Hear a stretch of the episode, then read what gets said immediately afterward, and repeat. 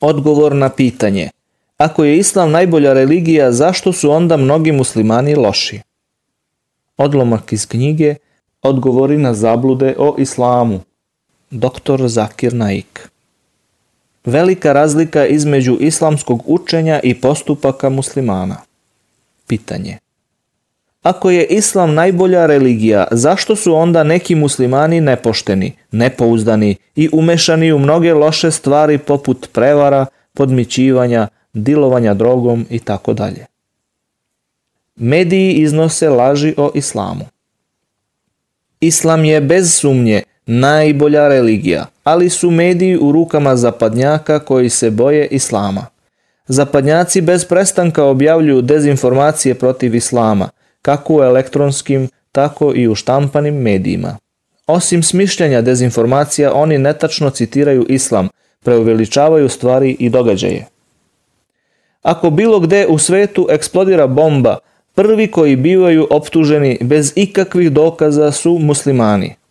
Odmah se na naslovnim stranama novina pojavljuju veliki naslovi.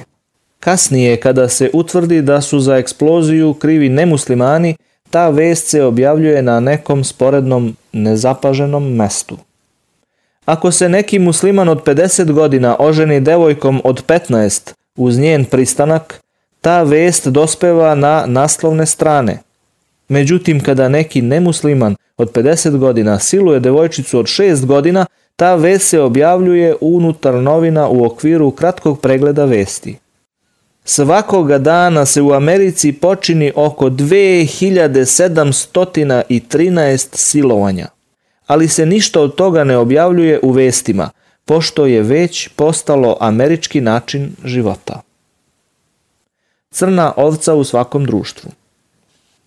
Svestan sam da ima muslimana koji su nepošteni, koji varaju, kradu, lažu i tako dalje. Međutim, problem je u tome što mediji generalizuju takvu ružnu sliku na sve muslimane. Tako musliman postaje crna ovca gde god da ode. Kao celina, muslimani su najbolji. Iako su muslimani na neki način postali crne ovce gde god odu, kad uzmemo u obzir sve muslimane sveta, oni formiraju najbolju zajednicu. Mi smo najveća zajednica ljudi koja ne pije alkohol. Ukupno gledano mi smo zajednica koja u dobrotvorne svrhe udeljuje najviše imetka. U globalu ne postoji ni jedna zajednica koja se može pohvaliti većim moralom, trezvenošću, poštovanjem ljudskih prava. Ne donosite ocenu o automobilu na osnovu vožnje vozača. Zamislite da trebate da donesete ocenu o tome koliko je dobar najnoviji model Mercedesa – Neiskusan vozač koji ne zna voziti sedne za volan i slupa auto.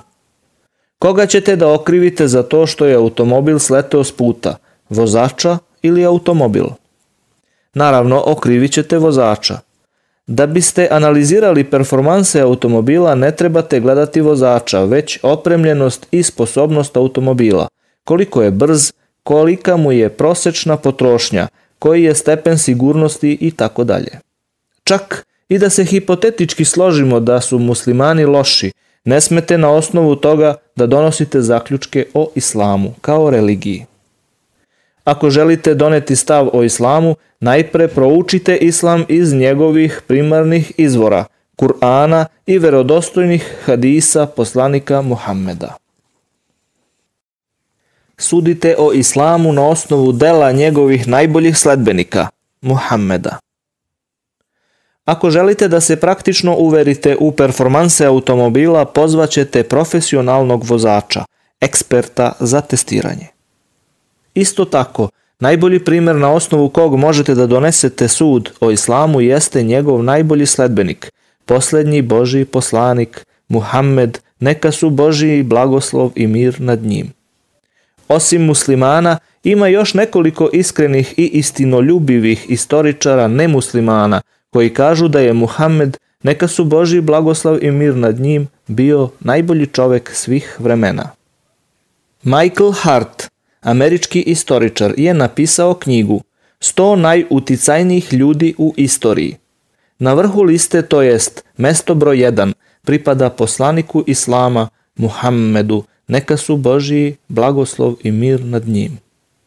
Postoji još mnogo primera gde nemuslimani odaju veliko poštovanje poslaniku Muhammedu, neka su Božji blagoslov i mir nad njim, poput Tomasa Carlyla, Le Martina, Tolstoja i drugih.